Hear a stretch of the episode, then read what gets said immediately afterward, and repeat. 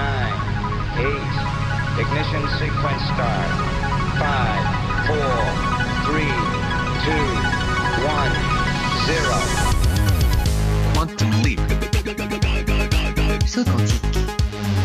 Salto quântico. Salto quântico. Salto quântico. Quantumsprung. Salto quantico. Salto quantico. Salto quantico. Kvantum, det du inte visste att du ville veta. Hej på er gott folk! Markus Rosenlund här igen och då var det dags att kvanthoppa en timme eller så. Hörni, allt var inte bättre förr. 1349 till exempel var ett riktigt dåligt år. Då tog digerdöden livet av halva Europa. Och 1918 var inte heller bra, då hade vi inbördeskrig i Finland och ute i världen tog spanska sjukan livet av uppemot 100 miljoner människor. Men ingendera av de här åren var det värsta året i historien. Titeln som värsta året någonsin att vara vid liv har nu delats ut av historikern och arkeologen Michael McCormick och det går till, är ni beredda, 536 efter vår tideräknings begynnelse. Året som tros ha gett upphov till begreppet fimbulvinter till exempel. Anno 536 drog en mystisk dimma in över Europa, Mellanöstern och delar av Asien. En dimma som gjorde att människorna knappt såg något dagsljus alls på ett och ett halvt år. Det var mörkt dygnet runt helt enkelt. Det var också början på det kallaste decenniet på 2300 år. Grödorna växte inte och svält rådde. Den mystiska dimman tros ha orsakats av ett vulkanutbrott på Island som spred sin aska över världen i början av 536. Utbrottet följdes under åren därpå av flera lika destruktiva eruptioner som bara gjorde saken värre. En ny studie från Berns universitet i Schweiz visar för övrigt på att ett vulkanutbrott har inträffat före nästan varje ovanligt kall sommar de senaste 2500 åren.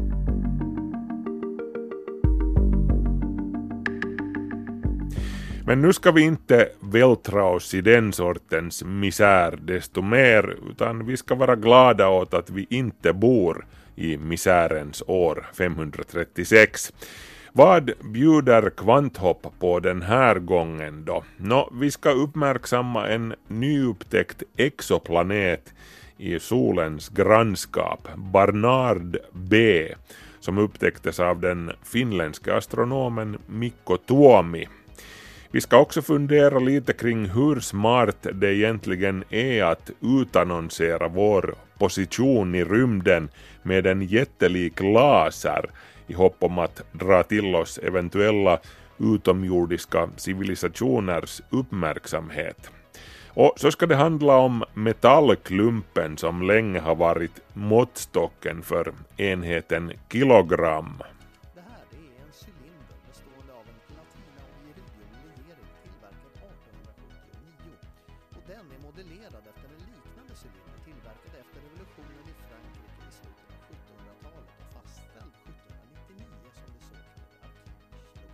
Nu ska bland annat den här kiloklumpen ersättas med en ny sorts vetenskaplig standard då SI-systemet ses över. Mer om det senare.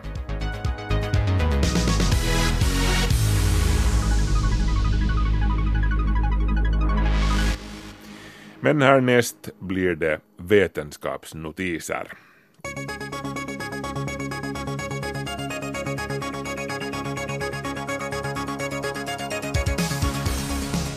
1972, mitt under Vietnamkriget, hände det sig att ett tiotal havsminor exploderade så gott som samtidigt ute till sjöss utanför den nordvietnamesiska kusten. Det var amerikanska minor då. Till synes av sig själv exploderade de dessutom. Redan då det skedde gissade man inom den amerikanska flottan på att det hade en koppling till solens aktivitet. Och nu har forskare från universitetet i Colorado bekräftat det här. Forskarna noterade att samtidigt som minorna exploderade upplevde man svåra störningar inom eldistributionen i Nordamerika. Den här sortens störningar är vanliga i samband med kraftiga solstormar. Forskarna menar att 1972 års solstorm till sin magnitud var nära 1859 års geomagnetiska storm, den så kallade Carrington-solstormen, den kraftigaste i sitt slag som vi känner till, då norrsken förekom så långt söderut som i Karibien och telegraftrafiken stördes svårt. En motsvarande storm idag skulle sannolikt orsaka skador på satellit och datanätverken för tusentals miljarder euro. Elon Musk, känd från Tesla och SpaceX, har också ett företag specialiserat på tunnelgrävande kallat Boring Company. Ordet boring har en dubbel betydelse. Det kan betyda både tråkig och att borra. Boring Company sägs utnyttja en helt ny teknologi för att borra tunnlar som sägs vara både billigare och effektivare än tidigare generations borrteknik.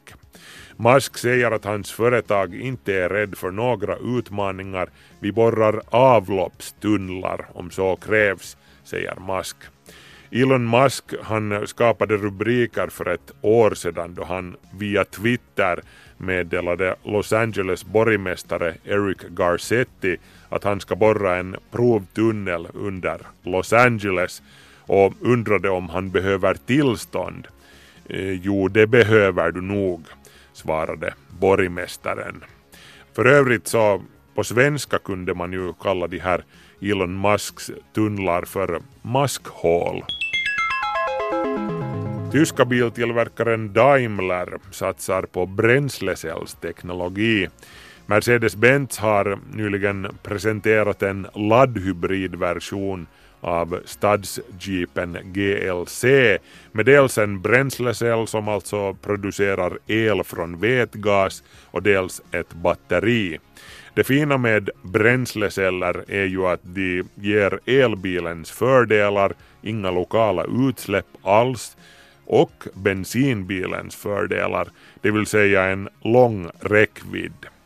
På en tank med vätgas kör du din GLC 430 kilometer och tar vetet slut så kan du ännu köra 50 kilometer till med elströmmen i batteriet. Att tanka full tank med vätgas tar bara tre minuter. Dessvärre kommer den här bilen i fråga bara att finnas tillgänglig i utvalda tyska storstäder där det finns fungerande vätgasinfrastruktur. Satsningen på bränsleceller sägs vara ett sätt för biltillverkarna att förbereda sig på det planerade förbudet mot dieselbilar.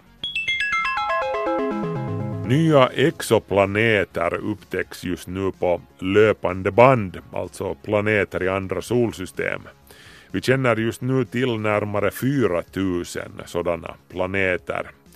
Men det finns en väldigt exklusiv kategori av planeter, en superutvald skara med ytterst få medlemmar, ett dussin eller så. Planeter som inte kretsar kring någon kärna alls utan svävar fritt i tomma rymden. Herrelösa planeter liksom. De är ytterst svåra att få syn på eftersom de inte har någon sol som lyser på dem. Helt nyligen upptäcktes två sådana planeter med katalognumren OGLE-2017-BLG-0560 samt 1323. Eh, den första av dem är en så kallad super-Jupiter med upp till 20 gånger Jupiters storlek och den andra är någonstans mellan jorden och Neptunus i storlek.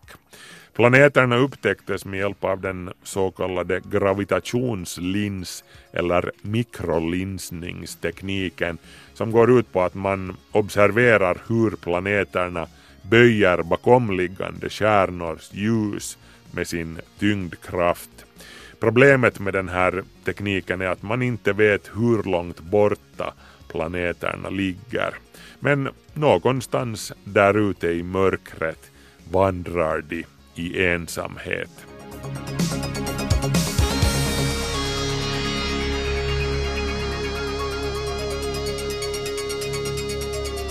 Nu ska det handla om teknik inom företagsvärlden. Artificiell intelligens, eller AI, har varit framme en hel del i reklam och i den allmänna debatten under senare tid. Förväntningarna på den här tekniken är skyhöga.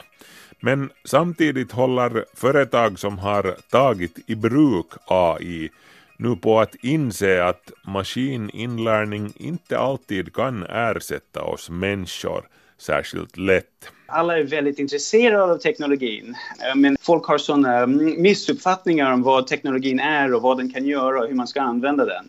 Det berättar Kjell Karlsson som är senioranalytiker på Forrester i USA. Ett analysföretag som hjälper företag runt om i världen att förstå sig på teknikens framtida roll i samhället. Han säger att de som beställer AI-teknik till sitt företag inte alltid förstår hur det är vettigt att använda sig av den. En väldigt vanlig eh, uppfattning är att artificiell intelligens är som mänsklig intelligens. Den är inte alls på det sättet. Det finns inga kommersiellt gångbara teknologier idag som kan resonera på det sätt som en människa resonerar på. Fler och fler företag håller nu på att inse det här, säger han. AI är bäst på vissa specifika uppgifter, till exempel att analysera stora datamängder och kan inte användas till allt möjligt, till exempel på ett kontor. Det är enormt mycket svårare än vad eh, folk har tänkt sig baserat på eh, de reklam de har sett och um, uh, den intryck de har fått genom att använda uh, Siri och Alexa och Google Assistant. Företag har under de senaste åren tagit i bruk maskininlärning också i sådana uppgifter för vilka tekniken inte lämpar sig särskilt väl. Carlson säger att Forrester har märkt att flera företag minskar på de här missriktade AI-satsningarna. En trend som han tror kommer att bli ännu tydligare nästa år. Heikki Ailisto som jobbar som forskningsprofessor på Teknologiska forskningscentralen VTT säger samtidigt att finländska företag ofta har varit mer måttliga i att satsa på AI jämfört med flera utländska företag. Därmed är det inte lika många företag i vårt land som kommer att behöva överge AI-satsningar inom den närmaste tiden, bedömer han. Kyllähän niin kuin siinä markkinoinnissa, millä asiaa markkinoidaan, niin on ollut tietynlaista hypetyksen piirrettä ja silloin niin kuin ehkä pettymyksiäkään ei voida välttää. Men marknadsföringen av AI har nog påmint lite om en hype och det innebär att man inte heller kan undvika att folk får orealistiska förväntningar och blir besvikna så småningom, säger han. Det var Niklas Fagerström som var reporter där. Härnäst ska vi rikta blicken ut mot rymdens svarta avgrund och undra att finns det någon där ute bland stjärnorna och hur skulle vi i så fall kunna meddela dem att vi är här? Eller är det smart att göra det?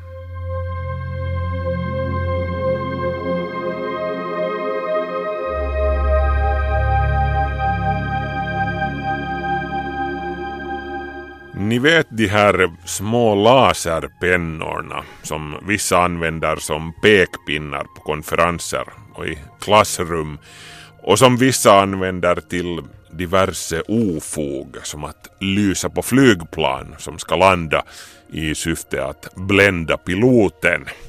Nå, nu finns det de som tycker att det vore en god idé att använda någonting lite liknande som en metod för att dra till sig utomjordiska civilisationers uppmärksamhet. Det är två forskare från amerikanska MIT som har skrivit en uppsats på temat. Den ingår i det senaste numret av tidskriften The Astrophysical Journal. I den här uppsatsen menar forskarna att radio kanske inte är det smartaste sättet att gå tillväga om vi vill få kontakt med utomjordingar. Det här har vi testat på redan med radio, alltså tiotals gånger sedan 1962, åtminstone tills vidare utan nämnvärda resultat.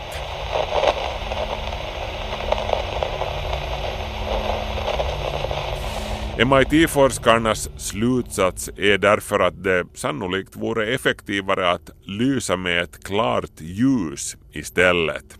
För att signalera att hallå, här är vi, var är ni? Och då kommer vi till laserpennan som jag nämnde i början. Fast det är ju självskrivet att man inte kan lysa tvärs över den gapande avgrunden mellan stjärnorna med en simpel laserpenna som drivs av ett ficklampsbatteri. Nej då, då ska det vara grövre doningar. Mycket, mycket grövre. Och faktum är att det här inte är första gången som någon kommer på den här idén. Redan på 90-talet var det ett gäng forskare inom SETI-projektet, de där som jagade utomjordisk intelligens, ni vet, som lekte med tanken på att rigga upp en hiskeligt stor laser, den största och kraftigaste i världen faktiskt. Världens starkaste laser, ja, no, den finns just nu i Japan. Den har en uteffekt på 2000 triljoner watt, det vill säga 2000 miljoner miljoner miljoner watt. Någonting i stil med den sortens pjäs skulle man ta och rikta den mot stjärnorna.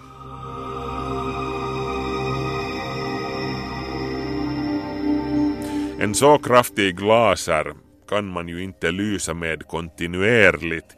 Vi snackar om korta blixtar på någon miljondels sekund som mest. Den här monstruösa laserblixten skulle man sedan fokusera med en teleskopspegel på 10 meter i genomskärning. Den resulterande strålen skulle vara bred som en dubbelsäng ungefär. Och den här supermassiva laserpekaren skulle ju faktiskt vara så grym att den skulle lysa starkare än självaste solen som ju har en lyskraft på synnerligen imponerande 500 miljoner miljarder watt. Fast i motsats till solen skulle ju lasern som sagt lysa i superkorta blixtar och för att se den skulle utomjordingarna vara tvungna att befinna sig direkt i laserstrålens väg. Men i alla fall, den skulle vara fullt möjlig att få syn på i fjärran solsystem.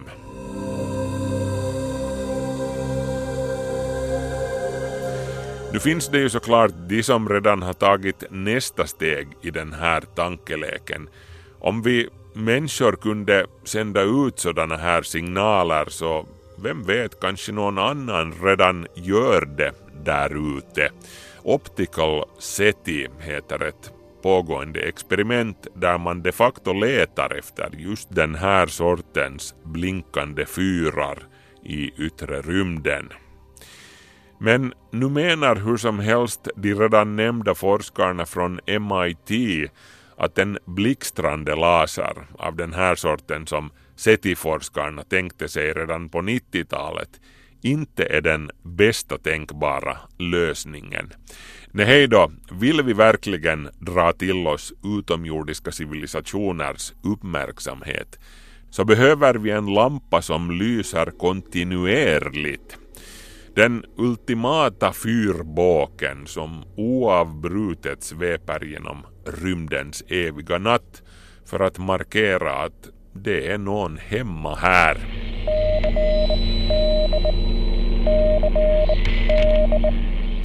Så vilken sorts hårdvara snackar vi om här då?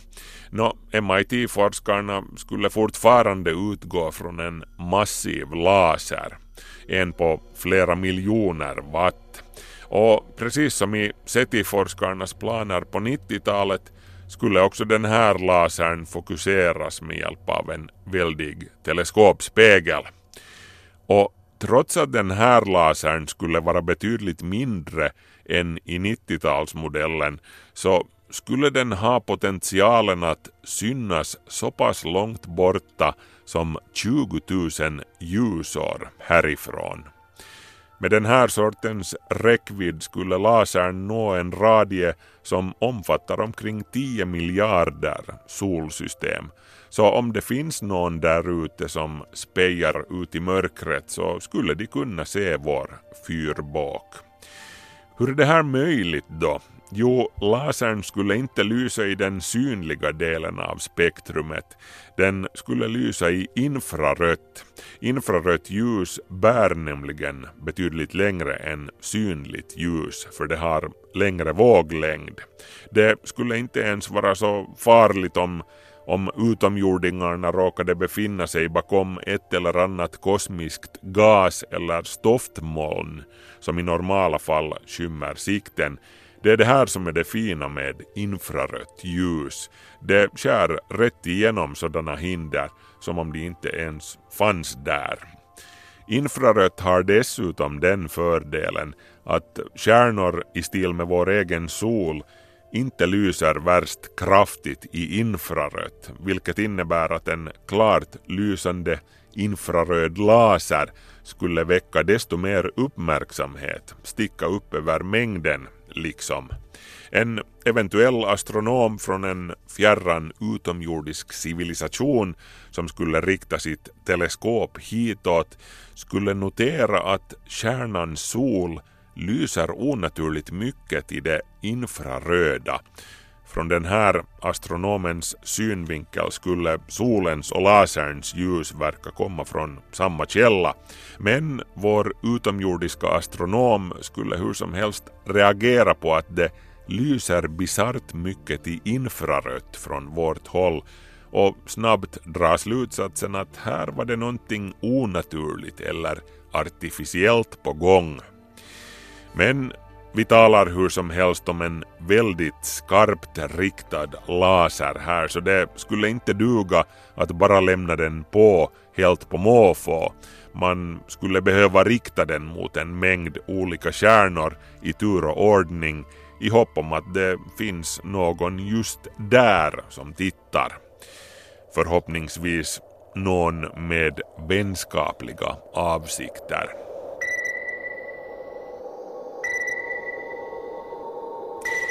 Fast vi skulle ju hur som helst få vänta väldigt länge på svar. I allt från något årtionde till tusentals år beroende på avståndet till planeten där vår ljussignal fångas upp. Och så finns det ju alltså de, inklusive den nyligen hedangångne Stephen Hawking, som menar att den här sortens försök att meddela sin position till potentiellt fientliga civilisationer är lite som att leka med elden. För man vet som sagt inte på vilket humör de är om de finns där ute. Dessutom, hur glad skulle du bli om någon kom och lyste dig i ögonen med en laserpenna? Du skulle säkert vilja ha en allvarlig pratstund med den personen, eller hur? Nåjo, men nu kan vi alla dra ett djupt andetag och ta det riktigt lugnt. För den här kosmiska fyrbåken som de två MIT-forskarna föreslår, den ska inte tas som en konkret avsiktsförklaring eller handlingsplan.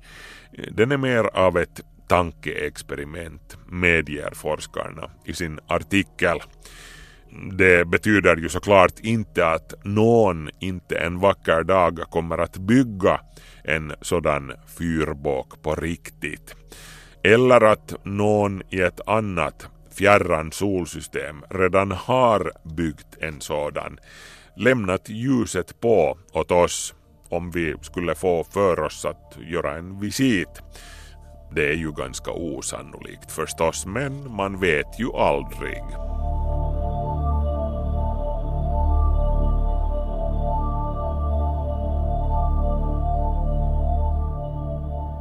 Kvanthopp, det du inte visste att du ville veta. De mått som vi använder i vardagen och inom vetenskapen, de är ju baserade på ett antal överenskomna prototyper som vi jämför med för att få enheterna rätt. Men teknologin och vår civilisation överlag blir ju allt mer avancerade och då blir ju de här gamla sätten att mäta vår omvärld föråldrade och behöver en ansiktslyftning. En av de största förändringarna berör måttet kilogram. Det internationella måttenhetssystemet som vi använder i världen bygger på ett antal grundenheter, även kallade SI-enheter, som är noggrant definierade. Grundenheterna de är sju till antalet. Kilogram, meter, sekund, ampere, Kelvin, Candela och mol. Ett stort antal andra enheter härleds sedan från de här grundenheterna, så de är extra viktiga.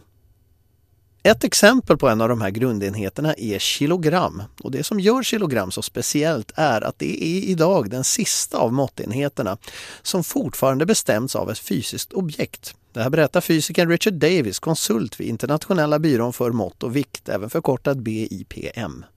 The big thing that's happening now is uh, redefining the kilogram because that is a definition that uh, still remains from 1889. And that's uh, the last of these definitions that is based on an object that, and, that has been constructed by people and not, not something uh, uh, that is uh, found in nature. Kilogrammåttet fastställs av massan hos den internationella så kallade kilogramprototypen. Det här det är en cylinder bestående av en platina och iridiumlegering tillverkad 1879. Och den är modellerad efter en liknande cylinder tillverkad efter revolutionen i Frankrike i slutet av 1700-talet och fastställd 1799 som det så kallade arkivkilogrammet. Men den här cylindern från 1879 har alltsedan dess varit en standard som används världen över för att kalibrera allting som har med den här måttenheten att göra. Cylindern benämns ofta med förkortningen IPK eller det mera lättsamma Le Grand K. Cylindern förvaras i ett speciellt underjordiskt valv i närheten av Paris hos Internationella byrån för mått och vikt. Det krävs tre individuella nycklar för att öppna det här valvet och själva cylindern förvaras under glaskupor för att minimera föroreningar och yttre påverkan. Det finns ett antal internationella kopior av den här cylindern i ett antal olika länder, bland annat i Finland. Men det här med att ha ett fysiskt föremål som allt sedan ska jämföras mot är problematiskt. Både originalet och kopiorna av prototypen har till exempel haft problem med att de så att säga förlorat eller ökat i vikt av någon anledning. Och problemet är att man vet inte riktigt varför. Föroreningar och instabilitet i materialet är två troliga förklaringar men man vet alltså inte exakt. Och man vet inte heller exakt hur mycket eller hur lite man förlorar. Eftersom det helt enkelt bara finns en fysisk prototyp att jämföra med. Och den förändras också.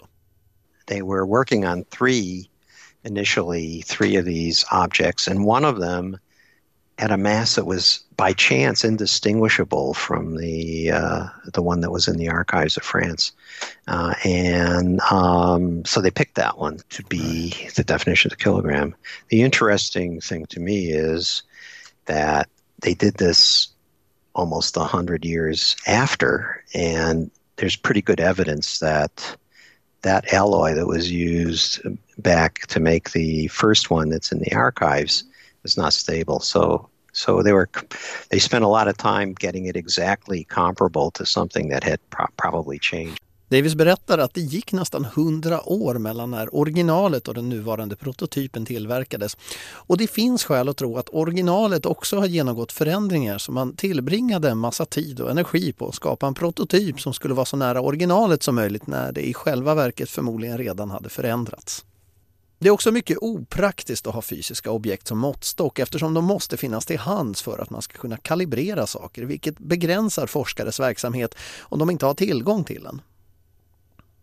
Men det kanske viktigaste argumentet för att ändra den här prototypen, säger Davis, är att det besparar en massa arbete vid beräkningar. If your definition is based on an object that's uh, got a mass of one kilogram, then any mass you want to know that's different from one kilogram. You have to start at one kilogram and then you work your way either up or down from one kilogram.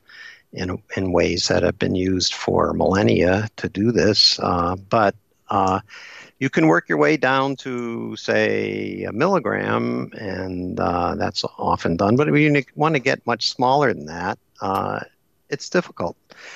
And it eventually becomes impossible. The, the new definition does not favor any particular, even though it defines one kilogram, it doesn't favor uh, a particular size. So you can use this new definition to anywhere along the scale. När man ska beräkna med hjälp av ett fysiskt objekt så måste man utgå från den, den vikten den anger och sen arbeta sig neråt eller uppåt beroende på vilken massa man arbetar med, vilket är väldigt omständigt och väldigt tidskrävande. Och vid extrema tal som till exempel väldigt låg massa så blir det nästan till omöjligt. Men nu har den franskbaserade internationella kommittén för vikt och mått, förkortad CIPM, som handhar frågor om måttenheter i världen, bestämt sig att det är dags att skrota den här fysiska prototypen och ersätta den med en baserad på fysikaliska konstanter. Man ersätter helt enkelt ett fysiskt objekt med en teoretisk modell. Om det här förslaget antas så kommer det bli möjligt för vem som helst, var som helst med rätt utrustning och rätta kunskaper att få tillgång till det exakta måttet genom experiment. Det kan tyckas lite obegripligt men det kan förändra hur precisa beräkningar kommer att göras inom vetenskapen i framtiden. En fråga naturligtvis som dyker upp är att vi vanliga dödliga som bara tänker på kilon när vi förbereder oss för beachsäsongen eller bakar lussebullar, kommer vi att beröras på något sätt? Anybody who has got little mass standards in their uh, markets and and uh, I mean even at home um, that that won't change. You know, they, it's being done in such a way that the the size or the magnitude of a kilogram doesn't change in this. But going forward, we can use this new definition, which is much more um, adapted to 21st century needs. Ja, Knappast i första taget, tror Davis. Målet är snarare, säger han, att se till att sättet vi mäter saker på håller jämna steg med utvecklingen i övriga världen. Och utöver kilogrammets öde ska även ett antal andra måttenheter genomgå en överhalning. Ampere, Kelvin och mol. Och alla enheter naturligtvis som härrör från dem som volt och ohm och joule och så vidare. Och även om de här förändringarna kan tyckas minimala så kan ibland ändringar i hur vi ser på mått leda till helt oförutsedda konsekvenser. I mean, it's hard to predict the future, but we can see from the past that the redefinition of the second, for instance, in terms of um, the frequency of an atomic clock, um, instead of the rotation of the Earth, um, opened the door to a lot of things that people hadn't even dreamed of when they did it. For instance, that there would be atomic clocks orbiting the Earth and sending time signals at the speed of light, which is you know now defined, and um, and that these would be picked up and and you could use them to tell where you are. You know, you, you, could pick, and your telephone will show you where you are in the world, and a GPS system. This was I don't think anybody dreamed of this, but uh, but it happened. You know, so. Uh, And I think good things will happen from the new definitions as well. Davis berättar att det här med att börja definiera sekunder baserade på atomer öppnade dörren för en rad teknologier som vi idag tar för givet. Till exempel atomklockor och GPS. I framtiden tror Davis inte att vi kommer att se så många stora förändringar, i alla fall ingenting som kommer att nå över nyhetströskeln. Det enda undantaget är kanske sekunden. Just de här atomklockorna som vi nämnde tidigare börjar faktiskt bli förlegade, tror det eller ej. Det finns nyare och bättre och snabbare sätt att mäta tid på. Så om några år är det våra sekunder som står inför en ny förändring.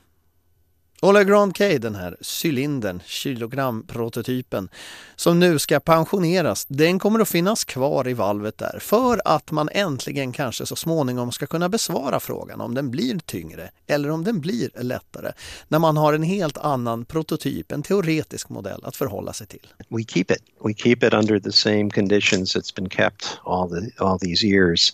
We know that's what's going to happen because that's what happened to the meter. I told you the meter was replaced in 1960 but it's still there in the vault in the uh, BIPM. So I believe the kilogram will rest there too. Its mass will have to be uh, calibrated now in the, in the new system and based on the new definition. And perhaps one day actually answer that question about whether it's getting lighter or getting heavier. Fysikern Richard Davis, konsult vid internationella byrån för mått och vikt hörde ni där. Det var Thomas Silén som var reporter i det inslaget. Kvanthopp, det du inte visste att du ville veta. Nu ska vi kolla in en ny rymdupptäckt. En finländsk astronom har hittat en hittills okänd planet, en exoplanet alltså, vid en relativt närbelägen stjärna. Planeten befinner sig på endast sex ljusårs avstånd från oss. Vår reporter Niklas Fagerström fortsätter. Den upptäckta exoplaneten heter Barnard B och har fått namn efter sin moderstjärna Barnards stjärna, en ganska så inaktiv röd dvärgstjärna som är relativt liten och sval. Med en exoplanet menas alltså en planet som befinner sig utanför vårt solsystem. Barnard B har en massa som är drygt tre gånger större än jordens och befinner sig invid sin stjärnas så kallade snölinje, där det är så kallt att eventuellt vatten är i frusen form. Tässä tapauksessa kyseessä on noin 170 astetta pakkasella oleva jäinen kivenmurikka, joka kiertää tuota tähteä. Det handlar om en isig stenplanet där temperaturen är cirka 170 minusgrader och det räcker 233 dagar för planeten att cirkla kring sin stjärna. Det berättar den finländska astronomen Mikko Tuomi i en intervju för Svenska Yle. Det var han som upptäckte exoplaneten. Han verkar vid Hertfordshire-universitetet i Storbritannien. Kyseessä on hyvin merkittävä, merkittävä löytö siinä mielessä, että tämä Barnardin tähti on todella lähellä aurinkoa. Det handlar om ett mycket viktigt fynd. Planetens stjärna Barnard befinner sig relativt nära vår sol på endast sex ljusårs avstånd. Och Barnards stjärna är den fjärde närmaste stjärnan till vår sol. Vi försöker ta reda på mer om vad vi har i näromgivningen till vårt solsystem och i samband med det arbetet så hittade vi planeten, säger Tuomi.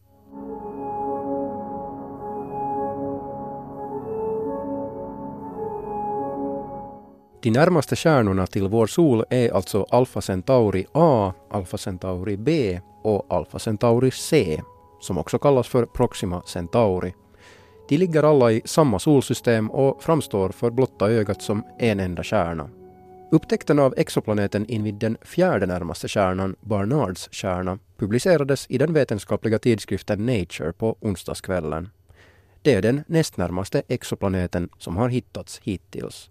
Forskaren Mikko Tuomi upptäckte tidigare också den exoplanet som är närmast, nämligen Proxima B som befinner sig på cirka 4,2 ljusårs avstånd från jorden och kretsar runt stjärnan Proxima Centauri.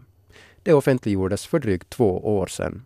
Proxima B är en jordliknande planet i den beboeliga zonen där det varken är för varmt eller för kallt för att det ska kunna finnas flytande vatten.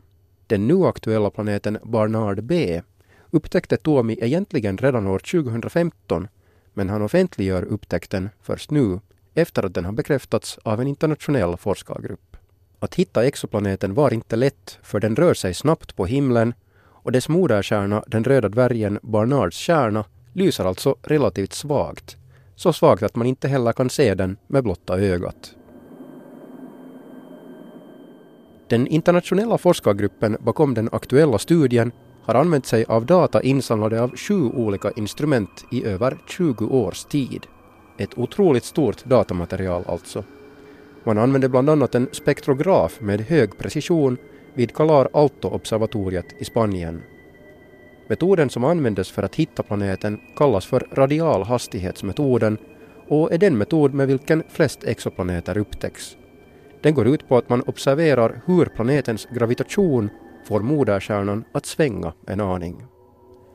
Forskargruppen kom fram till en signal som visade att Barnards stjärna skulle närma sig och avlägsna sig från oss med 1,2 meter i sekunden. Ungefär lika snabbt som en människa promenerar.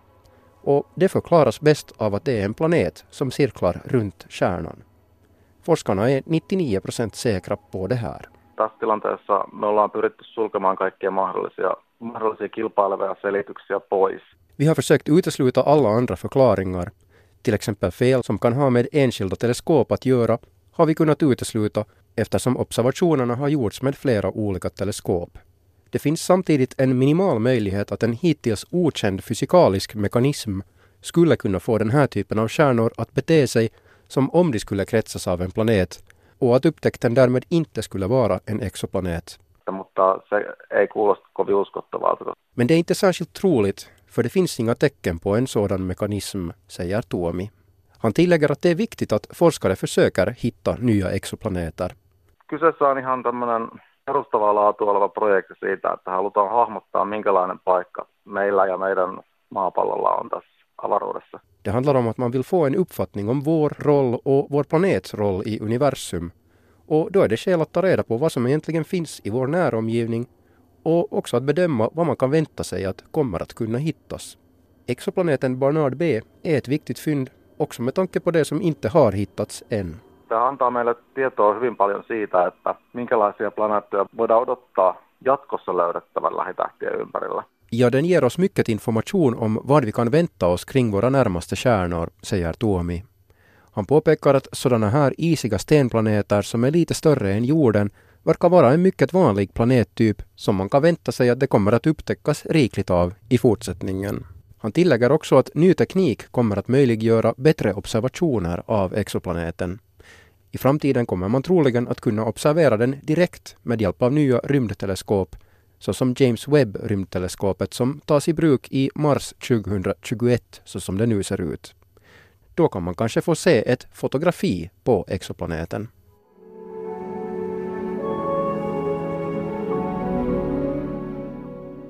Astronomen Mikko Tuomi säger att lärdomen från rymdteleskopet Kepler, som inte mera är i bruk, är att det i praktiken kretsar en planet kring varje stjärna. Röda dvärgar, såsom Barnards stjärna, har antagligen två eller tre planeter, om inte fler. Det ser ut som att stjärnorna inte bildas ensamma. De har alltid minst en planet som sällskap, säger han. Tuomi tror också att det är mer än en planet som kretsar runt Barnards stjärna. Pidän sitä enemmän kuin todennäköisenä. Jag skulle säga att det är mer än troligt att det är så, säger han. Det finns också en historisk kuriositet med Barnards stjärna. Den holländska astronomen Peter van de Kamp hävdade på 1960-talet att det skulle kretsa en eller flera stora gasplaneter runt stjärnan.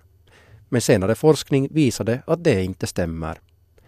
Barnards stjärna är alltså den första stjärna som en forskare har hävdat att skulle ha en exoplanet. Eli sikäli me, tässä on tavallaan tietynlainen ympyrä sulkeutunut. Tuomi säger att cirkeln nu är sluten.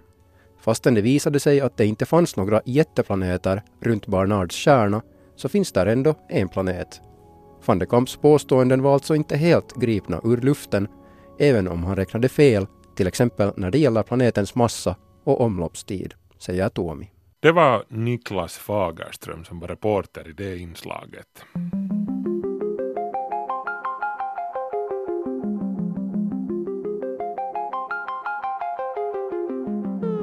Kära vänner, roligt att ni kunde lyssna, men nu är Kvanthopp slut för den här veckan. Vi hörs om en vecka, då är det Thomas Silén som sitter här vid spakarna. Jag är tillbaka veckan efter det. Och Markus Rosenlund heter jag alltså. Ha det så bra, hej så länge!